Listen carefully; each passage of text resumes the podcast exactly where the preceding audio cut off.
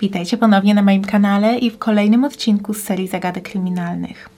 Dzisiaj chciałabym przedstawić Wam szokującą sprawę rozciągającą się na przestrzeni aż dwóch dekad, w której choć życie straciła jedna osoba, to ofiar tak naprawdę było co najmniej o cztery więcej.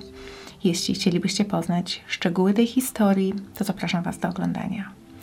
We wtorek, 8 lipca 1997 roku, 19-letni William Bosco, żołnierz piechoty morskiej Stanów Zjednoczonych, wrócił do domu po tygodniu na morzu. W tym czasie wraz z żoną, 18-letnią Michelle Moore Bosco, mieszkali w Bayshore Apartment Gardens w mieście Norfolk w stanie Virginia. Bill i Michelle poznali się jeszcze w liceum i wzięli ślub w kwietniu 1997 roku. Niestety, tego lipcowego dnia życie, które wspólnie budowali, miało zmienić się o 180 stopni. Po wejściu do sypialni, Bill znalazł ciało swojej żony. Leżała na podłodze we krwi. Zszokowany dziewiętnastolatek pobiegł po pomoc do mieszkania swojego sąsiada Daniela Williamsa i wspólnie wezwali policję. Eksperci stwierdzili, że Michelle została wykorzystana seksualnie, dźgnięta nożem i uduszona. Policja odnotowała wówczas, że w mieszkaniu nie było śladów włamania ani szarpaniny. Na tej podstawie wnioskowano, że sprawcą musiał być ktoś, kogo Michelle znała i prawdopodobnie sama wpuściła do środka. Oszacowano, że do przestępstwa doszło poprzedniej nocy. 7 lipca 1997 około godziny 23.30. Sąsiadka i najlepsza przyjaciółka ofiary, Tamika Taylor, zeznała, że od południa do późnego wieczora spędzała czas z Michelle. Z raportu koronera wynikało, że kobieta straciła życie w wyniku pchnięcia nożem oraz uduszenia. Stanowy lekarz sądowy zaznaczył, że ran kłutych było wiele, były skupione w jednym miejscu, zadane tym samym narzędziem i z podobną siłą. Wszystko to wskazywało więc na jednego sprawcę tego ataku. Dodatkowo analiza kryminalistyczna wykazała, że nóż, który posłużył jako narzędzie zbrodni, pochodził z kuchni w mieszkaniu ofiary. Policjanci zaczęli więc przesłuchiwać bliskich państwa Bosko oraz mieszkańców osiedla. I przyjaciółka Michelle, Tamika, wspomniała, że jeden z sąsiadów i jednocześnie bliski znajomy Billa, Daniel Williams, miał obsesję na punkcie zamordowanej kobiety. Mężczyzna, podobnie jak mąż Michelle, służył w piechocie morskiej i mieszkał po drugiej stronie korytarza wraz ze swoją żoną Nicole. Ich współlokatorem był kolejny żołnierz, Joe Dick. Zeznania koleżanki ofiary skierowały uwagę śledczych w stronę Daniela. Był to ich jedyny punkt zaczepienia w tamtym momencie i jedyny podejrzany, więc postanowili zatrzymać mężczyznę i dokładnie go przesłuchać. Przesłuchanie to trwało bez przerwy przez 8 godzin, a następnie o 5 rano detektyw Robert Glenn rozpoczął kolejne przesłuchanie. Po kilkunastu wyczerpujących godzinach ciągłego przepytywania i gruźb, podejrzany przyznał się do winy. Śledczy byli usatysfakcjonowani takim obrotem spraw i w sierpniu 1997 roku przedstawiono mężczyźnie akt oskarżenia ciągu kolejnych kilku miesięcy okazało się, że policjanci nigdy nie przeszukali mieszkania Daniela, a na jego rzeczach i ubraniu nigdy nie znaleziono żadnych śladów z miejsca zbrodni czy DNA ofiary. Dopiero w grudniu 1997 zbadano DNA i okazało się, że nie pasuje ono do materiału genetycznego sprawcy zabezpieczonego na miejscu zbrodni. Wtedy, miesiąc później, w styczniu 1998, mężczyźnie zaproponowano ugodę obrończą. W zamian za pełne przyznanie się do winy miał usłyszeć karę dożywotniego pozbawienia wolności zamiast kary śmierci. Jednak oskarżony odmówił. Adwokat mężczyzny dowiedział się, że próbka materiału genetycznego nie pasowała do jego klienta dopiero 30 kwietnia 1998 desperacko próbując doprowadzić sprawę do końca i szukając sprawcy, zdecydowano się aresztować także współlokatora Williamsa i jego towarzysza z piechoty morskiej, Josepha Dicka. Dick był przesłuchiwany godzinami i nieprzerwanie powtarzał, że jest niewinny. Twierdził, że w czasie morderstwa pełnił służbę na statku USS Saipan. Śledczy nie podjęli nawet próby zweryfikowania tego alibi, które jeśli prawdziwe, byłoby bardzo silne i całkowicie wykluczałoby Joe z kręgu podejrzanych. Nie przesłuchano jednak ani nadzorującego go starszego bosmana Michaela Zieglera, ani przełożonego, komandora Scotta Retty. Obrońca Dicka, Michael Fasanaro, również nie postarał się o zweryfikowanie alibi klienta.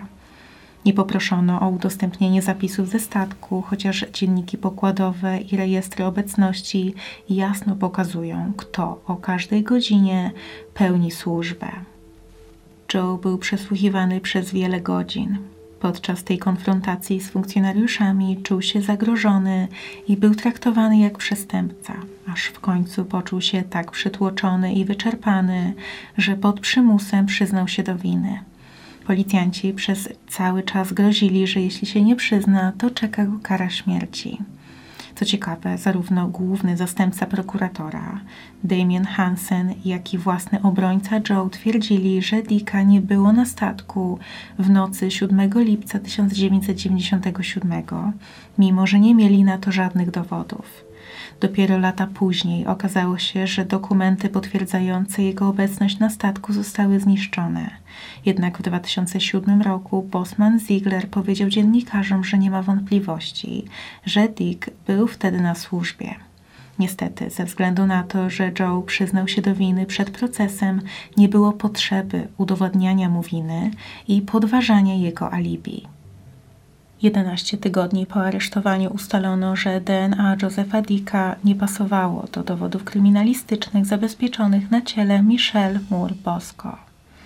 W lutym 1998 roku Daniel Williams został poddany analizie psychiatrycznej i podczas rozmów z lekarzem powiedział, że jest niewinny, a jego wcześniejsze przyznania się do winy były fałszywe i złożone pod przymusem. W tym czasie policja i prokuratura wciąż poszukiwała mężczyzny, którego DNA znajdowało się na miejscu zbrodni. Nie oznaczało to jednak, że oczyszczono z zarzutów poprzednich podejrzanych. Zaczęto spekulować, że wbrew jasnej opinii koronera sprawców była cała grupa i że Joseph i Daniel mieli co najmniej jeszcze jednego wspólnika. Informator z więzienia, w którym przebywał Joseph Dick, zasugerował policji, że osadzony wskazał kolejnego zamieszanego, którym miał być Eric Wilson, jeszcze jeden żołnierz z piechoty morskiej. Mężczyznę zatrzymano i poddano badaniu, ale jego DNA również zostało wykluczone. Czwartym podejrzanym był Derek Tice, kolega Joe z wojska, Trzech z czterech mężczyzn pełniło w czasie morderstwa Michelle czynną służbę w piechocie morskiej, a jeden niedawno przeszedł na emeryturę. Żaden z nich nie był wcześniej karany. Policjanci udali się na Florydę, gdzie wówczas mieszkał Derek Tice, aby go aresztować. Po trwającym 11 godzin przesłuchaniu mężczyzna, tak jak i poprzedni, przyznał się do udziału w zbrodni. Miał także potwierdzić udział jeszcze dwóch kolejnych osób. Twierdził, że cała grupa mężczyzn włamała się i zaatakowała kobietę. Zupełnie zignorowano nie tylko fakt, że dowody wskazywały na wyłącznie jednego napastnika, ale także to, że w mieszkaniu nie było żadnych śladów włamania. Było schludne i czyste w momencie, gdy przybyła tam policja.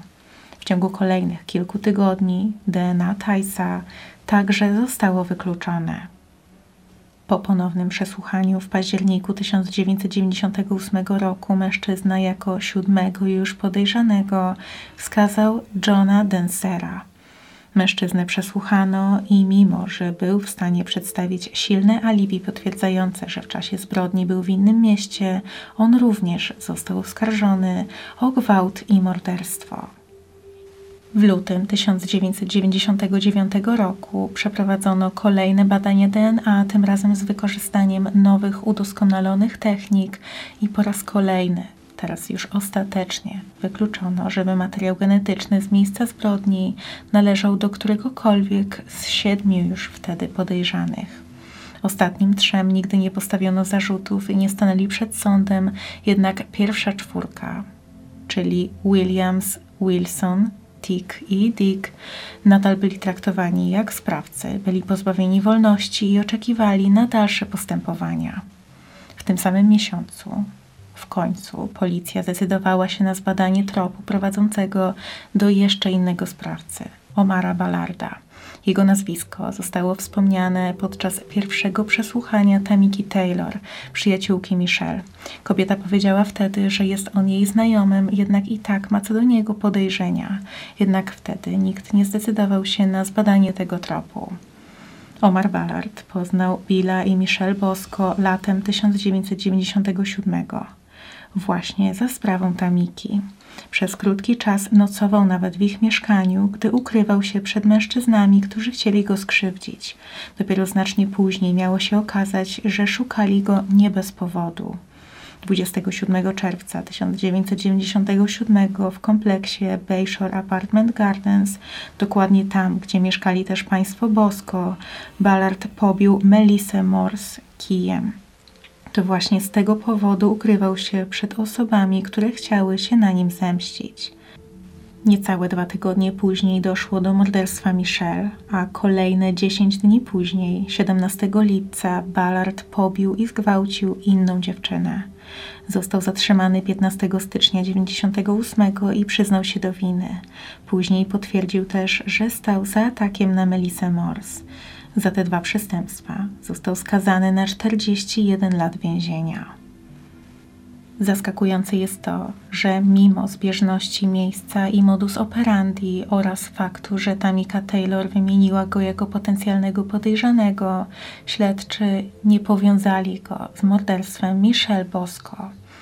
Dopiero gdy sam Omar Ballard przyznał się wprost do winy, w liście napisanym z więzienia do swojej przyjaciółki zwrócono na niego uwagę.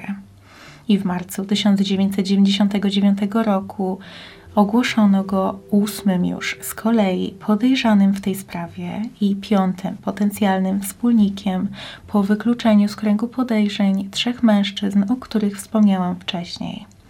Tym razem jednak wynik badań DNA miał być inny. Okazało się, że materiał genetyczny z miejsca zbrodni należał właśnie do Omara Ballarda. Dodatkowo był on jedynym z podejrzanych, który przyznał się do winy z własnej nieprzymuszonej woli, nie podczas długiego i traumatycznego przesłuchania.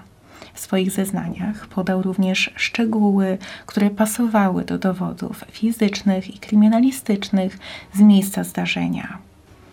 Powiedział także śledczym wprost, że te cztery osoby, które wcześniej się przyznały, są głupie. Policja i prokuratura nalegały wręcz, aby przyznał, że morderstwa dokonał wraz z czterema wspólnikami, jednak Ballard upierał się, że działał sam. Mimo tych bardzo jasnych sygnałów wskazujących na niewinność wcześniejszych zatrzymanych, Ballard został jedynie włączony do już przyjętej teorii przestępstwa grupowego. Omar jako jedyny z grupy nie służył w wojsku. Bardzo trudno jest zrozumieć motywy, jakie kierowały śledczymi w tej sprawie, ale nawet przed sądem wciąż podkreślano, że choć nie ma wątpliwości, że Ballard jest winny, to z pewnością miał wspólników i tylko boi się wyjawić nazwiska, nie chcąc być uznany za donosiciela. Z kolei pozostali cztery podejrzani nie wspominali wcześniej o Omarze, ponieważ zdaniem prokuratury obawiali się jego zemsty. W rzeczywistości oczywiście powodem było to, że po prostu go nie znali. W czerwcu 1999 Ballard został oskarżony o gwałt, morderstwo i rabunek. Daniel Williams i Joseph Dick przyznali się do winy, zastraszeni wyrokiem śmierci i obaj zostali skazani na dożywotnie pozbawienie wolności bez możliwości zwolnienia warunkowego. Proces Erika Wilsona rozpoczął się 14 czerwca 1999. Mężczyzna odwołał swoje wcześniejsze zeznania i został uniewinniony w sprawie morderstwa, jednak uznany za winnego gwałtu.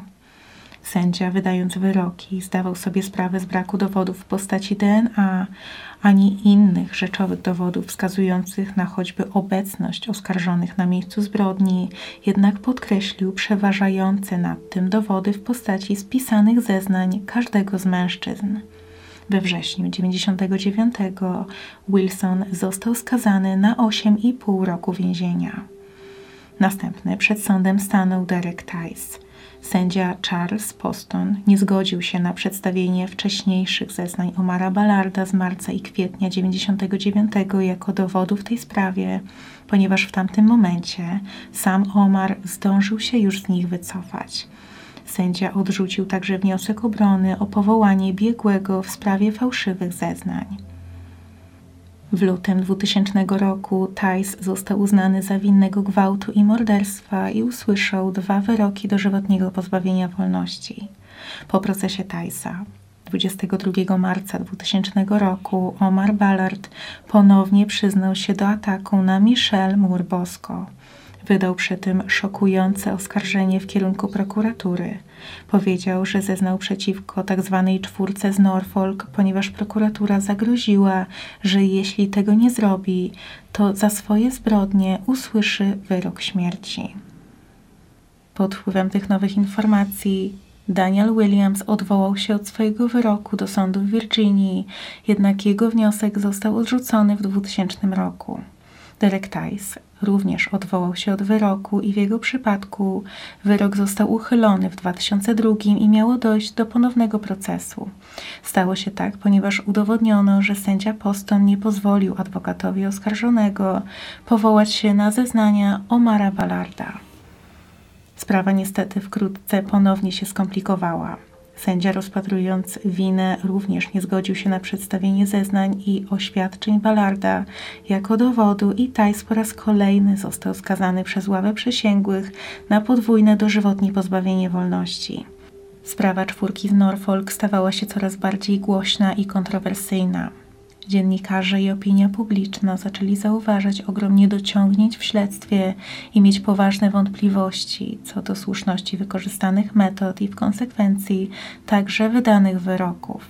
Ostatecznie trzy największe kancelarie z obszaru Waszyngtonu postanowiły zaangażować swoich prawników pro bono w pomoc skazanym mężczyznom. Później w sprawę zaangażowali się również przedstawiciele organizacji Project Innocence. Ostatecznie doprowadziło to do uchylenia drugiego wyroku skazującego Tysa. Proces ten rozpoczął się 27 listopada 2006 roku. Decyzję uzasadniono naruszeniem postanowień konstytucyjnych związanych z dostępem do odpowiedniego obrońcy. Sędzia Everett Martin stwierdził, że policja naruszyła zasadę, zgodnie z którą w przypadku, gdy podejrzany powołuje się na prawo do zachowania milczenia, policja musi zaprzestać przesłuchania.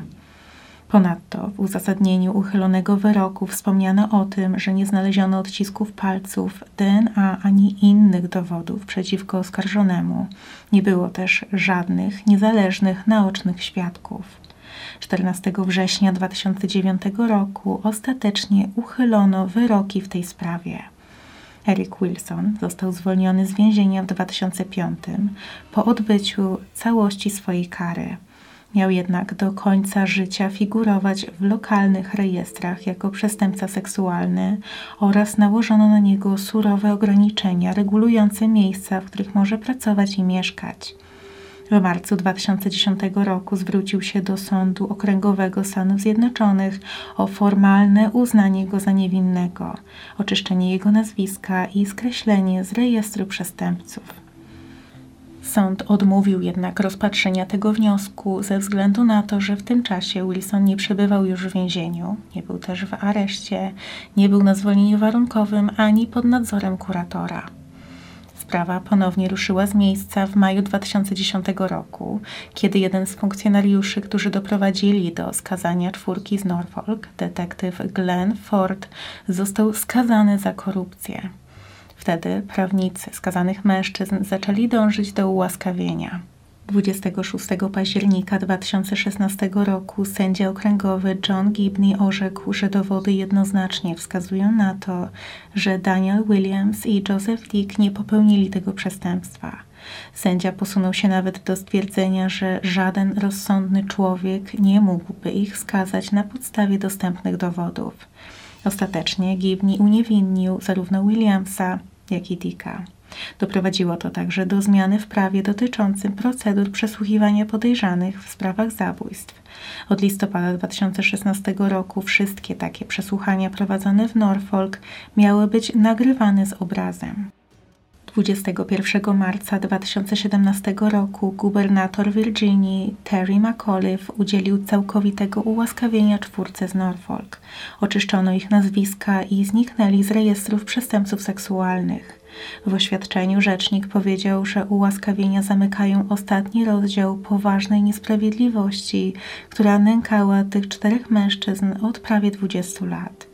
Do dziś jest to uważane za jedną z najbardziej szokujących sądowych pomyłek w historii. Ułaskawieni mężczyźni złożyli pozew cywilny przeciwko władzom miasta Norfolk oraz stanu Virginia. W grudniu 2018 roku obie jurysdykcje osiągnęły porozumienie. Miasto zgodziło się przyznać mężczyznom odszkodowanie w wysokości prawie 5 milionów dolarów, a stan na dodatkowe 3,5 miliona dolarów. Historia czwórki z Norfolk do dziś jest jednym z najbardziej wyraźnych przykładów nadużycia władzy i brutalności policji. W 2006 roku wydana została książka autorstwa pisarza Toma Wellsa i profesora prawa Richarda Leo pod tytułem The Wrong Guys – Murder, False Confessions and the Norfolk Four. I to jest już koniec tej sprawy. Trzeba przyznać, że biorąc pod uwagę niekompetencje policji, skandaliczne błędy, jakie zostały popełnione oraz ogromną krzywdę wyrządzoną czterem niewinnym mężczyznom, to ostateczny finał tej sprawy był najbardziej pozytywny, jaki mógł być. Prawdziwy sprawca, Omar Ballard, do dziś przebywa w więzieniu, a pozostała czwórka odzyskała swoje dobre imię, choć oczywiście nigdy nic nie będzie w stanie wynagrodzić im koszmaru, który przeszli. Jest to kolejny mrożący krew w żyłach przykład niesłusznego skazania, czyli tragedii, która teoretycznie mogłaby spotkać każdego z nas. Jestem bardzo ciekawa, jakie są Wasze przemyślenia na temat tej sprawy. Podzielcie się nimi proszę w komentarzach. Jak zwykle możecie tam również pisać swoje propozycje tematów do kolejnych odcinków z tej serii. A teraz bardzo dziękuję Wam za oglądanie i do zobaczenia niedługo. Cześć!